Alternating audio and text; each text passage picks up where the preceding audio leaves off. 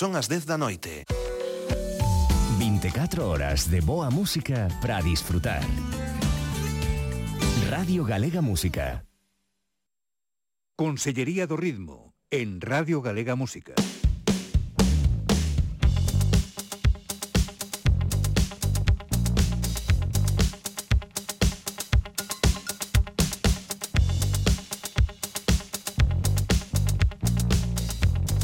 Fito Lesende.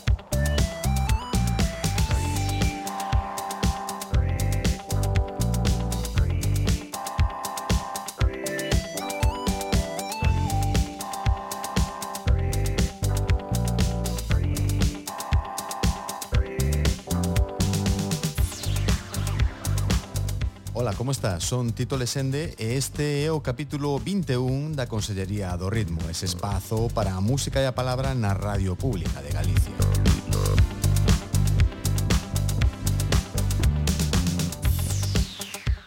E hoxe tampouco non é un día calquera porque recibimos nesta consellería os heredeiros da Cruz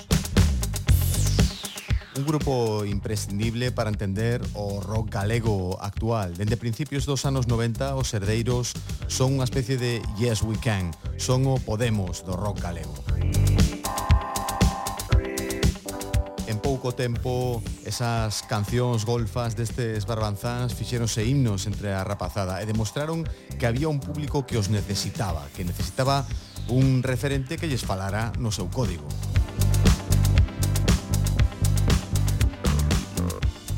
2022 os heredeiros da Cruz farán 30 anos dende a súa formación, pero a Consellería anticipase este aniversario para escolmar aquí a andaina dos heredeiros en 60 minutos de música e palique.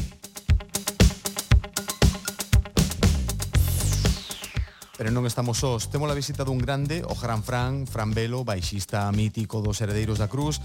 Eh, bueno, eh, parece que xa albiscamos por aquí a súa barba egipcia, esa barba ultra hidratada, esa elegancia de rock and roll. As veces vemos a Fran Velo no Land Rover da Televisión de Galicia, pero hoxe témolo na Consellería do Ritmo. Escoitamos, polo tanto, agora mesmo a canción para entrar en calor e de contado comezamos a conversa con Fran Velo. Hoxe a Consellería do Ritmo cos heredeiros da Cruz. Música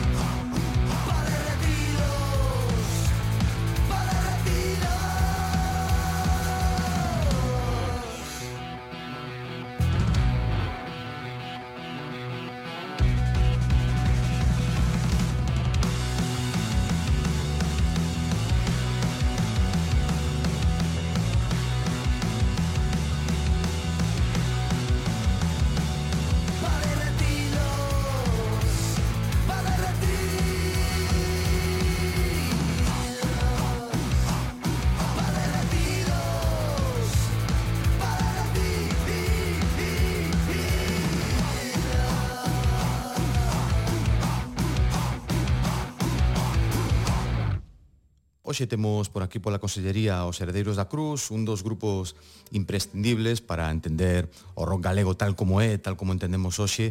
Persoas en este momento na Consellería o señor Fran Velo, Fran Fran, o baixista eh, dos Heredeiros, hoxe sen o traxe de esquelete. Que tal, Fran, como estás? Moi ben, moi ben, Tito, que tal?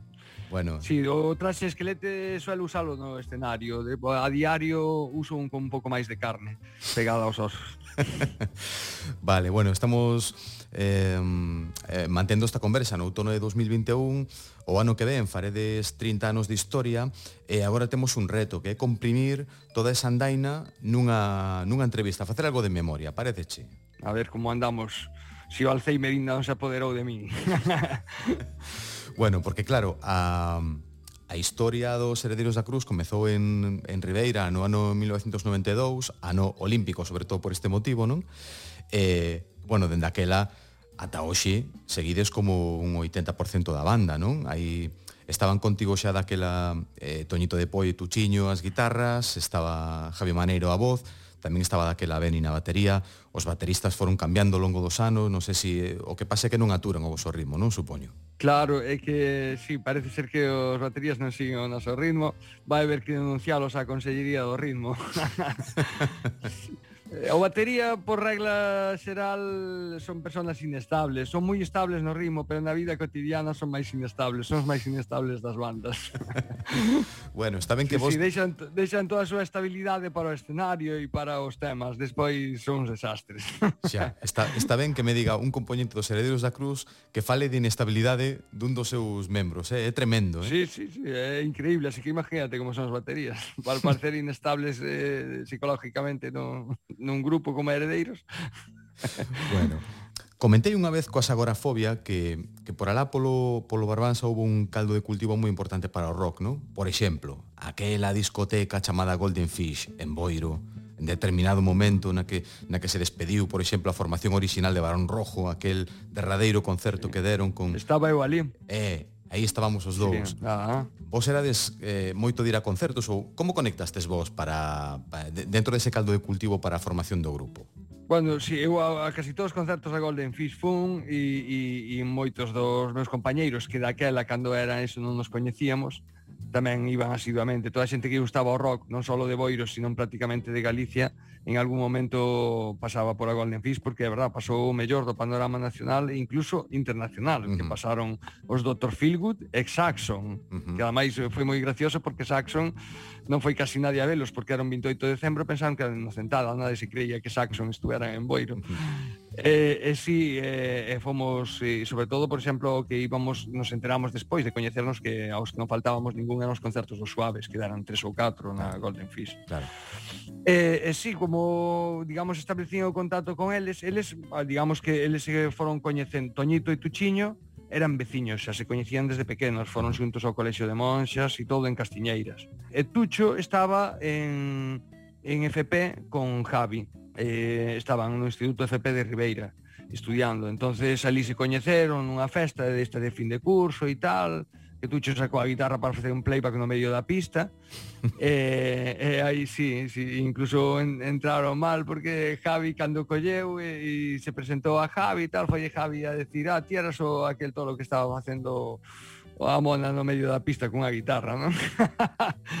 E si, entonces eles foron os que empezaron un pouco ca banda, eu me incorporei uns meses máis tarde, porque coñecía a Belino, a, a Belino que desgraciadamente xa non está con nós, xa morreu. Ajá. Por aquel entonces eu, bueno, eso, eh, con a Belino xa o coñecía desde había un tempo, entonces un día que estábamos con él por aí tomando algo, me dixo, oye, joder, pásate un día por o ensayo, joder, nos ves a ver e, e tal, e fun a velos. E xusto o día que eu fun, non iba o, non fora o baixista que tiñan daquela, que era un rapaz pois que lle faltaba bastante aos ensaios e tal, chamábase Juan, chámase.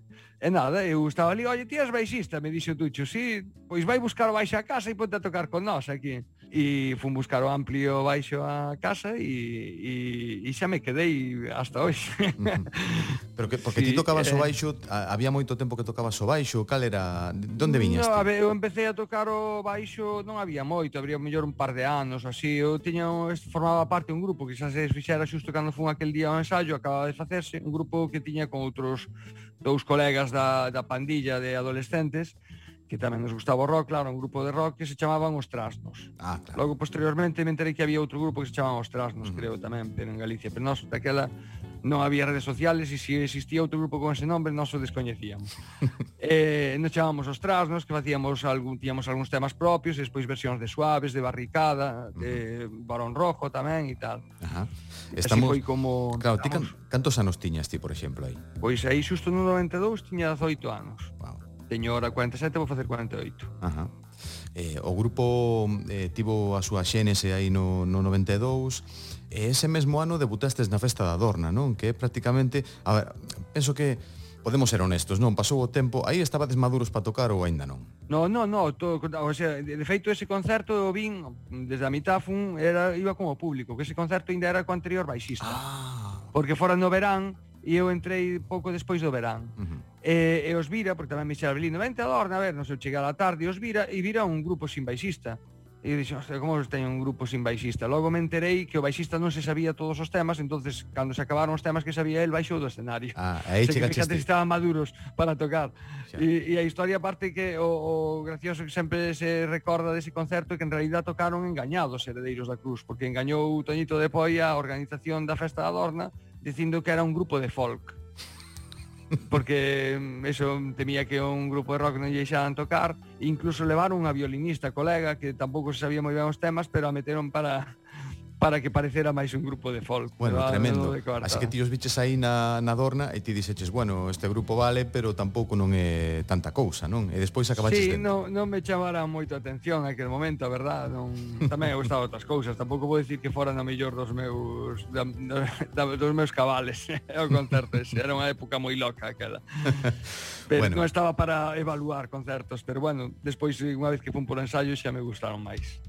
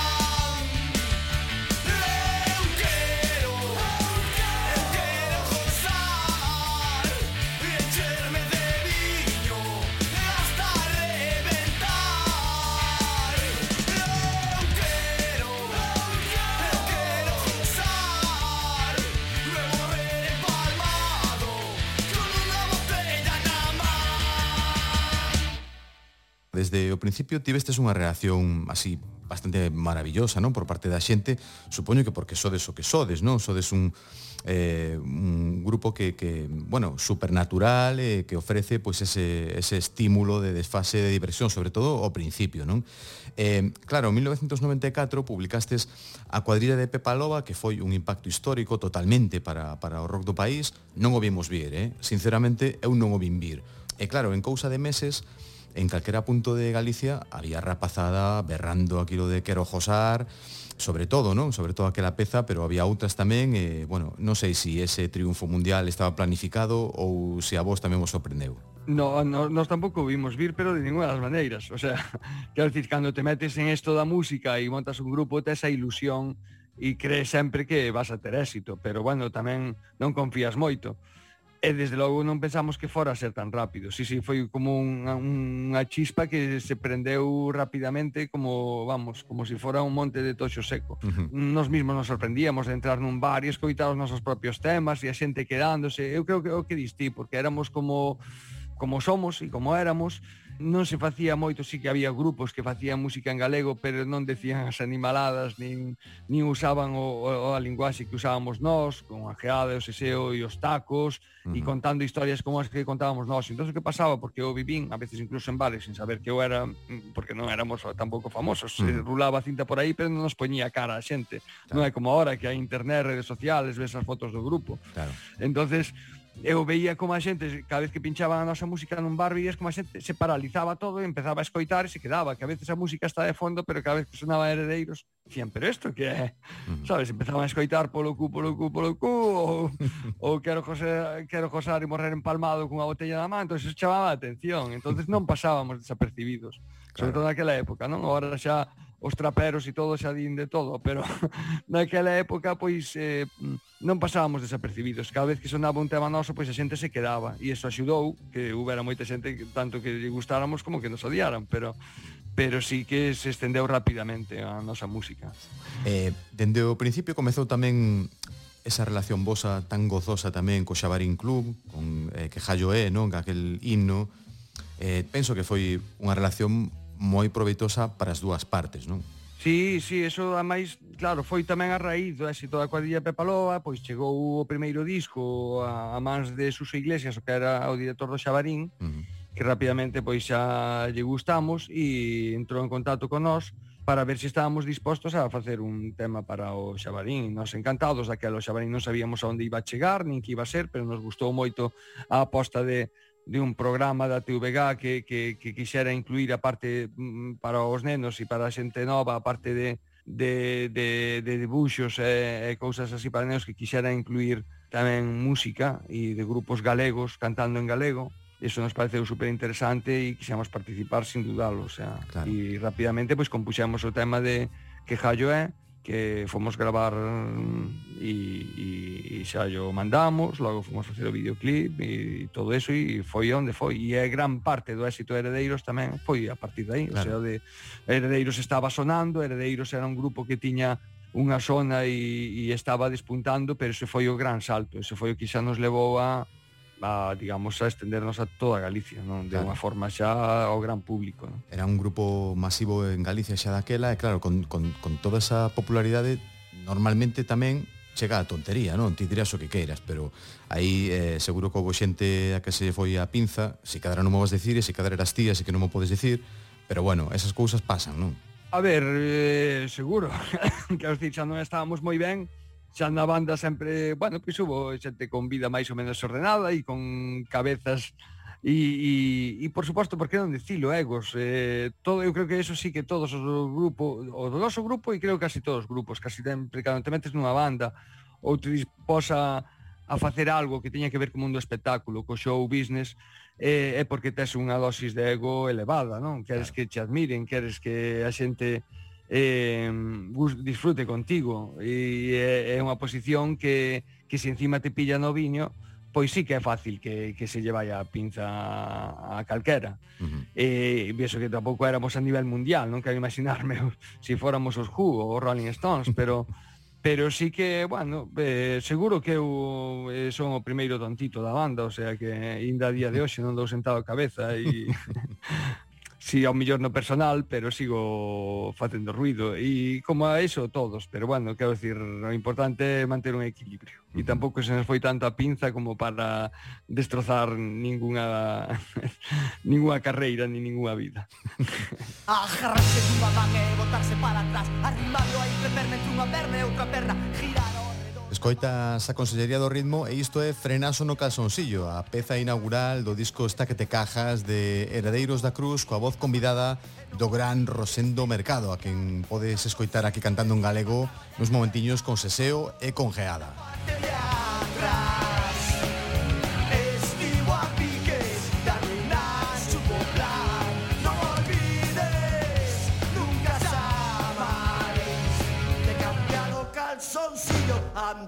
para traballar E depois dos revolcones sin pararte a falar Fumaste un pitillo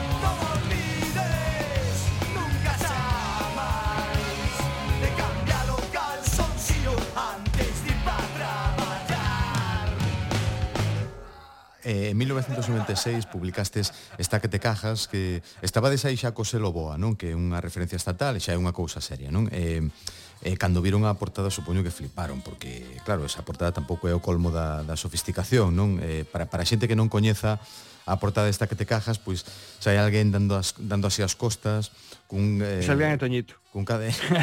vale, sí. non quería dicilo pero bueno aí estaba ese toñito con calzoncillo, digamos, con, con esa raya de canela, e, e facendo alusión a, a ese tema, o frenazo no calzoncillo que canta aí no disco Rosendo Mercado. Pero como conseguistes que Rosendo cantara aí no disco eh, nese galego do Barbanza? Pois si todo todo o que falas, no esta que te cajas, tanto a portada como como eso que comentas foi todo seu, tuvo seu orixe en Madrid. No sé, para o segundo disco, decidimos eh, mm, deixar de traballar co que foi o noso descubridor e produtor do primeiro disco, Anxo Maciel, para pasar a, a traballar con Segundo Gandío, baixista de, de Siniestro Total por aquel entonces e ahora propietario do, da Casa de Tolos, do estudio de grabación e tal, traballamos xa varios discos con el.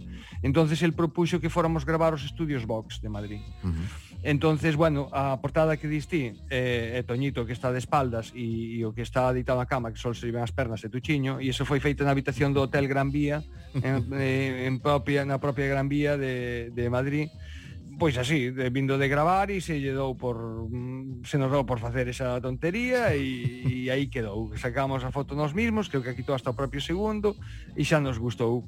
Por eso xa o título do disco está que te cajas e viña por o frenazo canzoncillo, que efectivamente ven cun frenazo no calzoncillo a, a portada. E o de Rosendo foi pois por eso, porque os estudios Vox eran de Eugenio, onde estaba o co que foi eh, de sempre o produtor de, de Rosendo Mercado. Eugenio Muñoz. Entonces, justo por aquel entonces estaba grabando o disco este, aí agora non me acordo o nome, que sale el como reflexado e que detengo da sombra dunha encina, non me acordo agora xusto que disco era. E colleu, entonces estaba por ali, nos subimos e digo, hostia, está aí Rosendo, está Rosendo, tal, joder, porque non lle hicimos de gravar e tal, ningún se atrevía a decirle nada e fomos eu e Javi a decir, oye, Rosendo, que tal? Mira, estamos aquí grabando un disco, son, eh, somos un grupo que nos chamamos Heredeiros da Cruz, somos moi admiradores teus, se importaría gravar algo con nós e tal? E ele dixo, sí, encantado, o sea, Rosendo é majísimo, é, é unha pasada de tío. E dixo, dicime que día veño e tal, e, e ali veu, e, e escribimos a letra nun momento, e a gravou nun par de tomas, o sea, e a máis imperfecto galego, que alucinamos, que hasta lle, lle preguntamos, pero tío, ti sabías algo de galego ou tal? e hasta o propio seno dicían, sempre me preguntan se si teño familia en Galicia ou se si teño ascendencia galega, pero no, non sei, eh, nada, no, foi o colleu, é así, a persona que ten oído e que é boa, é boa para todo. Uh -huh. Claro eh, sí. a verdade que foi unha pasada, sí, sí, sí, eu, tanta pasada que eu recordo que chorei, eh, porque eu levaba escoitando a Rosendo Mercado, era un dos meus ídolos desde claro. chaval, e cando vin aí cantando un tema noso e estaba vendo aí cantando a, a Luis con Javi e tal, e... Pff, foi unha emoción tan grande que me puxen a chorar e hasta se reíron e hasta o propio Rosendo soltou unha lágrima a camar e dicendo, joder, estas cosas en el rock ya non se ven e tal, segundo partíndose e tal. E, e así, pero foi, foi algo que quedará para sempre nas nosas no noso recordo. Que ben, bueno, eh, nese disco aparece tamén o teu fillo Fumaporro, que é un punquismo de nivel superior, Eh, claro, e unha vez máis conectando con esa, bueno, coa rapazada do momento, falando no seu código, non? Eh, eh quedo cunha cousa que dixeches aí un momentiño que hoxe se cadra sucede máis ese tipo de, de conexión co rap e co trap, xa non tanto co punk ou, ou o rock. A ti interesenche estas músicas, digamos, eh, falando así como digamos de nova fornada ou da xente nova ou da xente actual ou manteste fiel aos teus clásicos? Claro, non, non me interesa en absoluto, a verdad. Se si son sincero, quero dicir, sei o que hai porque vivo neste mundo e tampouco me teño que pechar as portas, sobre todo por, pois, por o meu traballo e por un pouco tal te vas enterando de cousas, pero se si me dis que te tararé un tema de Zetangana non teño ni idea, o sea, me escoitei algunha vez algún por, por ver un videoclip ou tal, pero nin idea, non sei un pouco, e bueno, porque tamén teño un fillo de 21 anos que afortunadamente tampouco é a música que lle vai, pero bueno, che van informando cando estás vendo a resistencia, no, este é un trapero, este é un rapero, por el me enterei que había trap, eu non sabía que había rap, trap, tap, e, e así por peleas de gallos que vexe aquí en Boiro e en na Pobra e tal, pero non é unha cousa que me guste e, e entonces a ver non lle dedico moito tempo a eso. Sei de que vai e sei que vai e é inevitable a veces salir por aí e escoitar algún tema e quedarte e ves que, mm, que cantan cousas así pois un pouco que que diste, bueno, pois pois teñe ese rollo, ese toque gamberrismo e de que lles dá igual todo e que cantan da calle, non? Claro. Pero non, non, eu sigo cos clásicos e se escoito música nova é pois o que me vai a min do rock and roll e son bastante pechado. Nin siquiera son os que di, me gusta de todo tipo de música. Bueno, me pode gustar o country, o blues, eh, as músicas eh, máis antiguas, máis modernas, pero todo que teña que ver, digamos, con, a cultura con a raíz do, da cultura do rock, exactamente. Uh -huh. María, María, o teu fillo fuma o porro! O teu fillo fuma o porro! O teu fillo fuma o porro!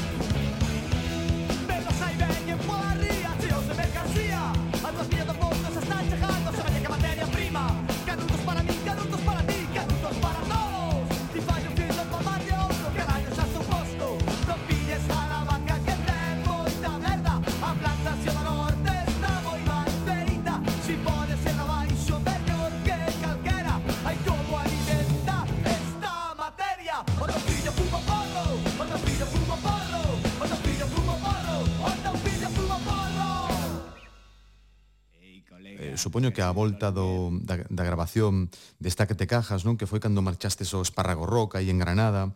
Eh, bueno, xa tiña desnormalizadas a, a xiras, non? Pola península adiante. Eh, lembro porque porque a moita xente chamaba moita atención o tema das, das plumas, os disfraces, non? Eh, eh, así como os Village People ou como as Spice Girls. Cando foi a primeira vez que sacastes vos os disfraces? Bueno, a primeira vez xa foi incluso a, a algo parecido a un disfraz, o proto disfraz, digamos, fora eh, en, nun, antes de gravar disco ni nada. Eh, ao primeiro, o que nós chamamos o primeiro concerto no estranxeiro de Herdeiros, que foi en Cambados, quero decir, porque nós non salíramos do Barbanza nunca, sempre tocábamos a Puebla, Ribeira, Boiro, Noia, pero nunca salíramos de, de, do Barbanza. entonces a primeira vez foi a Cambados, me acordo que máis era un concerto eh, en contra da droga, organizado por as nais contra a droga, estaba o Xois Garzón e todo o rollo. Oh. Eh, non sei por que cuestión, por sería porque viñemos dos carnavales e tal, Javi saleu cunha capa a cantar, como se si fora un superhéroe. Ainda me acordo que saltara o escenario e casi se nafra contra unha farola con capa e todo. e E esa foi a primeira incursión no mundo do disfraz. Despois, eh, a ver, diste, si, sí, falas dos Villas People, claro, tal, pero, bueno, é unha cousa que non sempre tuemos claro o concerto de festa, o sea, o concepto de festa e espectáculo, de show. E, e como tamén eso, como foron os Rollins na súa época, incluso David Bowie, eh, Slade, Slade é un gran referente para nós, eh, tanto musical como estético, de feito ah. xa tuemos... Eh, ou algunha versión deles tamén eh, Twisted Sister, quero dicir, o mundo do disfraz e do show está moi vinculado non? Na, na, en moitos grupos do rock e, pero é un concepto que máis ben o, o estaba, se ti queres, máis eh, americano, non? Eh, ou incluso en algún caso inglés. Aquí no, aquí todos tendían os grupos de rock, tibias barricada, barón rojo, mellor nas tachuelas e tal, pero solían ir de vaqueros, ir de calle e tal. Nós uh -huh. desde o principio tuvemos claro que mm, queríamos huir do, do pantalón vaquero no escenario e dos relojes, por exemplo, unha, pan, unha paranoia que tiñamos, pero sempre falábamos, non, se subir cos relojes ao escenario, que parece que estás presa, porque en algún momento vas a mirar o reloj.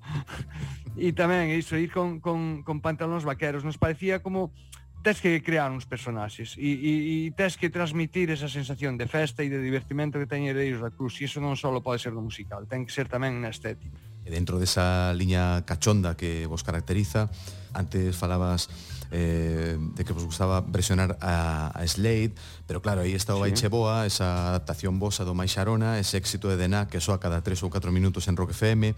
Eh, hai unha hai unha xeración de de carnochos, non? Que realmente pensan que a original é a vosa, porque é a que nos importa, non? Sí, sí, sí, máis ainda vexo en redes sociales e tal, que a xente cando escoita o máis xerona canta casi todos os galegos de, de unha certa idade, cando escoitan o, o, o máis xerona cantan vai che boa por dentro e iso tamén é un orgullo porque non, o sea, tocas un tema de, de alguén que admiras e, e o convirtes para algunha xente incluso máis emblemático que o original e iso é unha pasada, quero decir Cantas versións tedes feito na, na vosa carreira, aínda que non estean nos discos? Claro, moitas, porque non porque hubo máis versións que non nos deron permiso. O de Maixerona de NAC nos dou permiso para Ajá. facela. Pero temos, por exemplo, o, o Juela con a Baby, que tamén é moi famoso, que é o We're Gonna Take It de, de Twisted Sister, que non nos deron permiso para facelo. Sí. Tiñamos a versión de Pimpinela, Como era de Pimpinela? a la de José, que hostia tes, Ai. que ves a buscar a ti. por eso vaite, olvida, bueno, claro. ese era... Tampouco é tanta sorpresa que non vos deran permiso, non? Claro, no, no, nin, nin Perales, que tamén facíamos a versión do velero chamado Libertad.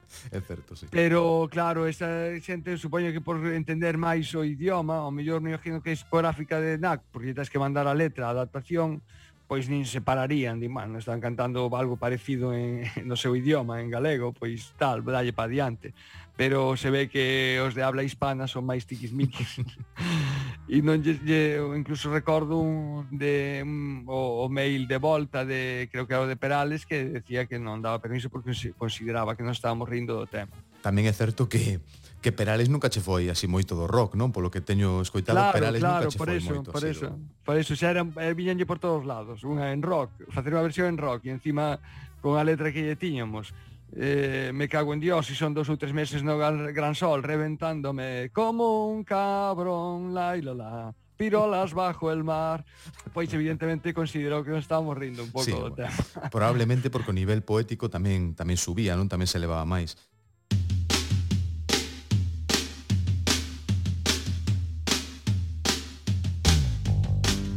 Aquí está o Baiche Boa, a adaptación dos Heredeiros da Cruz do Mai Xarona, ese éxito global que publicara a banda estadounidense de NAC en 1979. A versión dos heredeiros data de 1998 e está no seu disco Castigados por Payasos ou eh, tamén coñecido como 10 minutos, con esa portada que rememora esa célebre revista semanal de crónica social. Mama, O 10 minutos. Bueno, estás a escoitar o monográfico dedicado aos herdeiros da Cruz na Consellería do Ritmo na Radio Pública de Galicia. Como José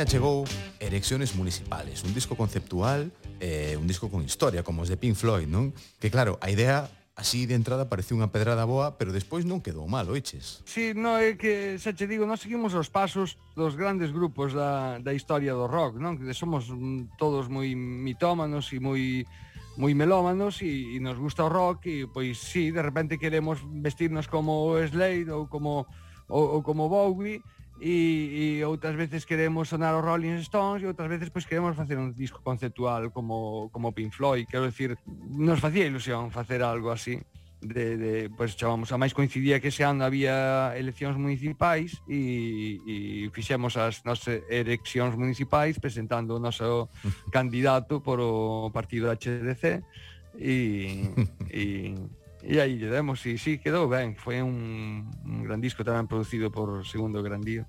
Un bo disco, sí, un bo disco. Grabado, grabado en Vigo, e sí. E despois, parece que as cousas cambiaron coa chegada do século XXI, non? Porque aí non sei que pasou. Publicastes un disco que era o Chicarrón, que algunha xente chama o Chicharrón, polo que teño escoitado. Eh, parece que non tivo tanto parece que non tivo tanto tanto tirón E aí decidistes parar por esa época, decidistes parar prácticamente eh, dez anos. E, e que vos pasou aí? Estabades fartos de, de aturarvos? Sí, ou... a ver, se xunta un pouco todo, son moitos anos e, e pois aguantándonos ao final con a familia, te queres, pero pero tes os teus roces, e se mezclou, non tuvo moito que ver o disco. O disco sí que pasou, pois, por, por exemplo, o cambio grande que hubo, pois, por exemplo, aí deixamos xusto despois do, do All Right Chicago, que é o disco directo que grabado na Dorna de Ribeira, uh -huh E, e despois deso, pois deixamos de, mm, decidimos romper relación de management con Blanco, que era o, o, o que levaba e leva a Siniestro Total, e sí. tamén nos levaba a nós, non? Uh mm. -huh. Entonces, pois xa o Chicarrón tamén ten un máis problema tamén de, de difusión. Xa foi feito si unha discográfica que o movera potente, tamén deixamos de traballar con Boa. Entonces xuntou un pouco eso, que foi un disco un pouco menor a hora de, de digamos, de, de, de producción e de, de, de difusión. Pero, bueno, ten, ten bons temas, o que pasa que ten grandes temas que a nós nos gustan, pero, bueno, calou menos na xente.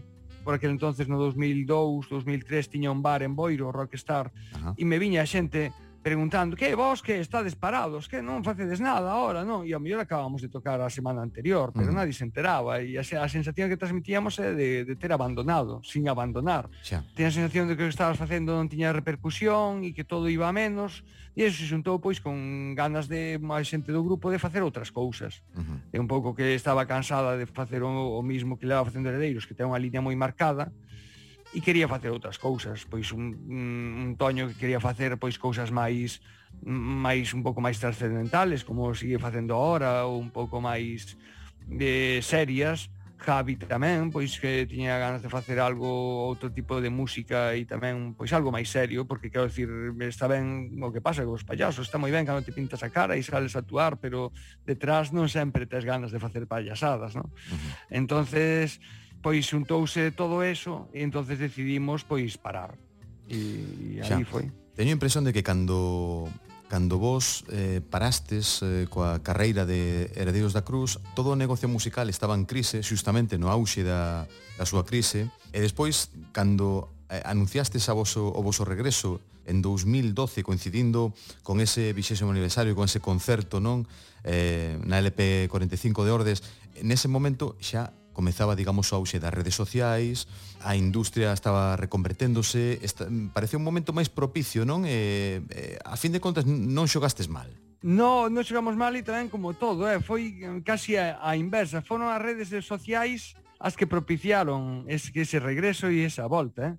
Nos empezamos a meternos nas redes sociales uh -huh. e ver que había páxinas de grupos que eh, de, de, de Facebook e tal que volvan os heredeiros, e alucinamos porque decíamos, o sea, pero parece que a xente se acorda de nós uh -huh. e parece que están deseando que volvamos.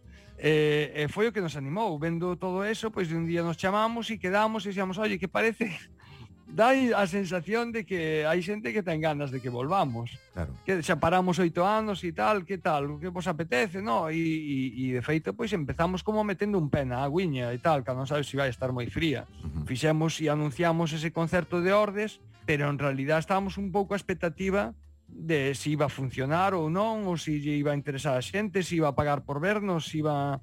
E foi a nosa sorpresa cando de repente sacamos a entrada á venta para 3.500 personas, e duraron 24 horas.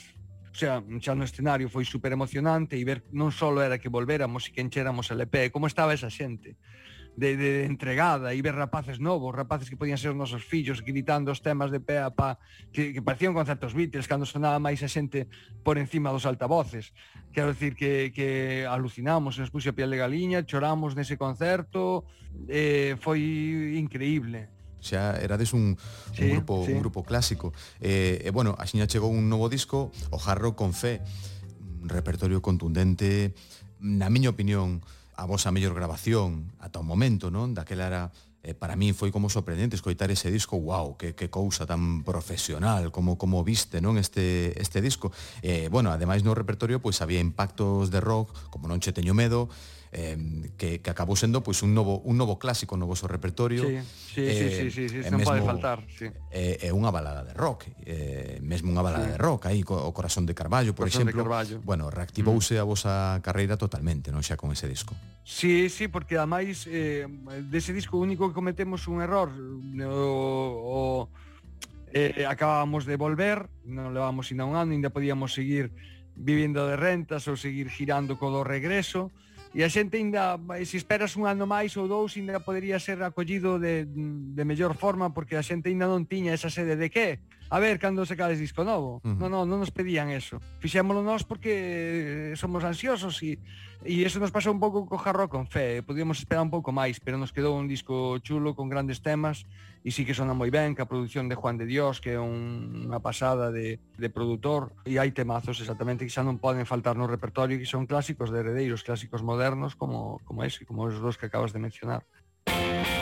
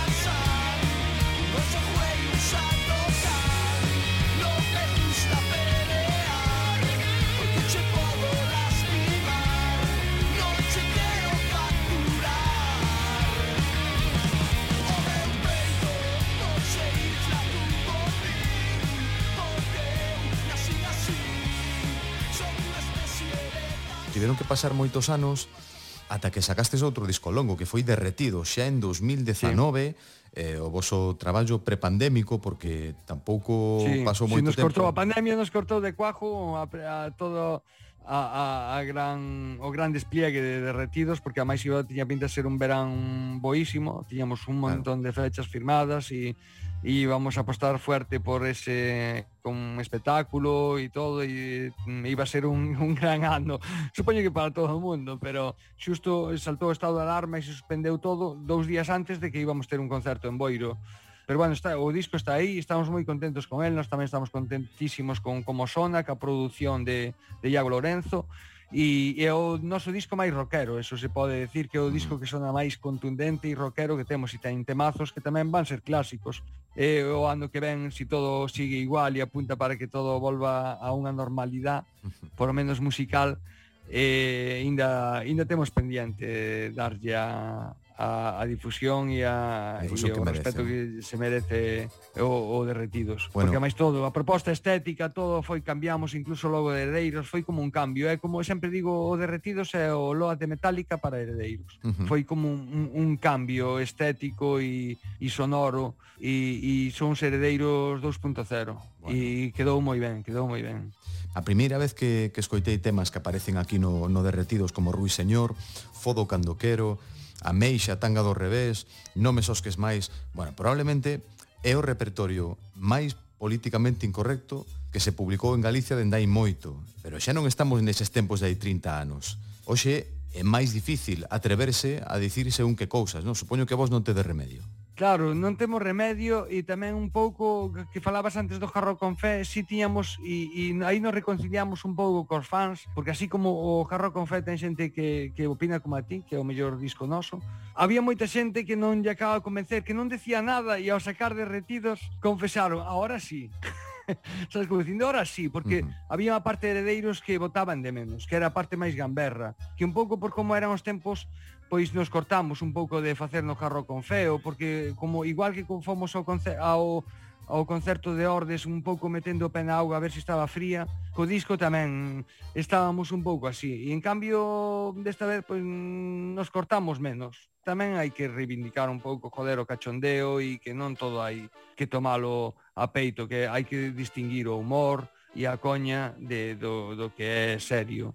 E, e tuvemos suerte porque eh, tamén íbamos pensando a ver o que pasa pero non sei se é por gracias aos traperos e os raperos que xa din animaladas tan heavies ou máis e hai moitos frentes abiertos ou que xa nos dan por imposibles pero a verdade é que tampouco tuvemos moitos problemas por ese lado pasaron casi 30 anos de, de esa Xénese que, que dicíamos antes de Heredeiros da Cruz e cando ves agora eu que sei, a Javi, a Tuchiños, os, os teus compañeiros non? Cando, cando miras para eles que ves hoxe en día, non? Ves aí amigos, cómplices, socios, irmáns, músicos, amantes, bandidos, amantes bandidos, que é o que prevalece aí? Eu vexo familia, eu vexo familia eh, porque xa son tantos anos xuntos que, que eu supoño que lle preguntas o mismo a, aquí Richard de Mick Jagger e che dirá igual, de que tuveron épocas en que estuveron que nin se falaban, chega un punto en que eso é familia e a veces tens os teus máis, os teus menos que a túa familia, pero son xente que leva aí tantos anos ou máis, eso que as túas mulleres ou que, que incluso que os teus fillos, que no, os fillos son fillos, pero eso, levamos máis tempo xuntos. E, e despois, mm, por outro lado, pois os vexo como sempre. Non cambiou nada, sigo vendo os mesmos chavales que vin aquel día no, no ensayo cando cando cheguei a Ribeiriña por primeira vez co meu baixo. Bueno, e despois desa xira angústica de 2021 o ano que ven é o 30 aniversario, algo haberá que facer, non? Algo teredes pensado, canta, cántame claro. Cando pensamos é xusto cando non hai máis remedio. Entonces, sí, sí que evidentemente algo hai que facer e, e, e como che decía, temos pendiente facer unha gran gira e se é con motivo 30 aniversario, pois máis aínda non desaproveitamos ninguna oportunidade para celebrar. Xa pensaremos como e que faremos, pero bueno, como mínimo dar moito rock and roll. Bueno, estaremos atentos para, para vervos aí no escenario, pero Fran, antes de marchar, quero darche as grazas por esta conversa, claro, pero tamén polo pouso tan importante dos heredeiros da Cruz, eh, sobre todo coa normalización do galego e do rock en galego, porque teño clarísimo que temas como Quero Josar ou, ou Baiche Boa, non esa adaptación do Baiche Boa, eses temas son máis importantes para a normalización da nosa lingua que calquera campaña que se nos ocorra. É dicir, en realidade sodes funcionarios, non? O que pasa que non está registrados como tales, pero sodes funcionarios da, da, da normalización, merecedes claramente unha pensión. Así que, por favor, transmite este agradecemento ao resto do grupo e mándalles unha aperta forte da Consellería. Pois pues moitas gracias, moitas gracias e de verdad que o diga é un conselleiro do ritmo, a verdade é que me llena de orgullo e satisfacción. Claro que sí. Bueno, Mr eh, Fran Velo, o Gran Fran, moitas grazas por, por estar aquí, moito éxito, compañeiro, Eh, ata pronto, vémonos nos bares. Hasta pronto, graciñas.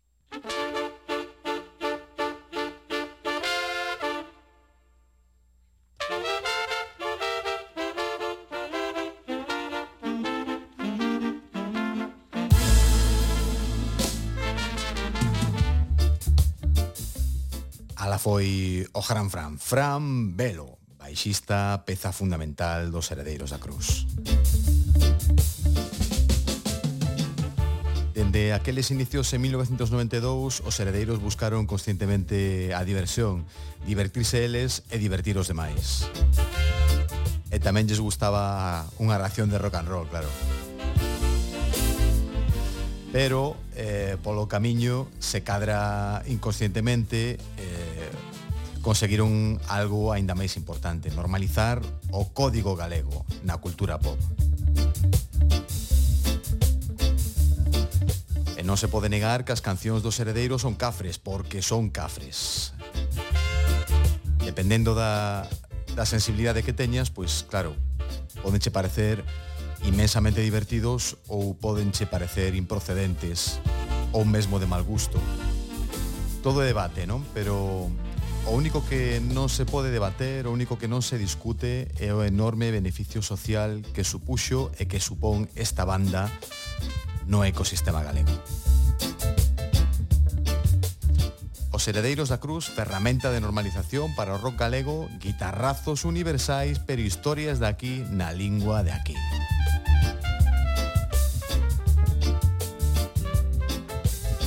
Se nos escoitas en directo, a Consellería reabrirá a vindeira semana neste mesmo día a esta mesma hora coa visita doutro nome de referencia no ámbito galego do rock ou o pop pero xa sabes que podes atopar a Consellería do Ritmo na plataforma radiogalegapodcast.gal dentro da categoría de musicais e podes buscar Consellería do Ritmo en iVox, ese almacén de podcasts onde temos aloxados todos os capítulos emitidos. E tamén estamos en Facebook e Instagram como Consellería do Ritmo.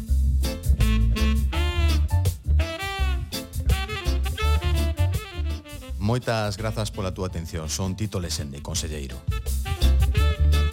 Grazas, Fran, grazas, heredeiros, e feliz trixésimo aniversario en 2022.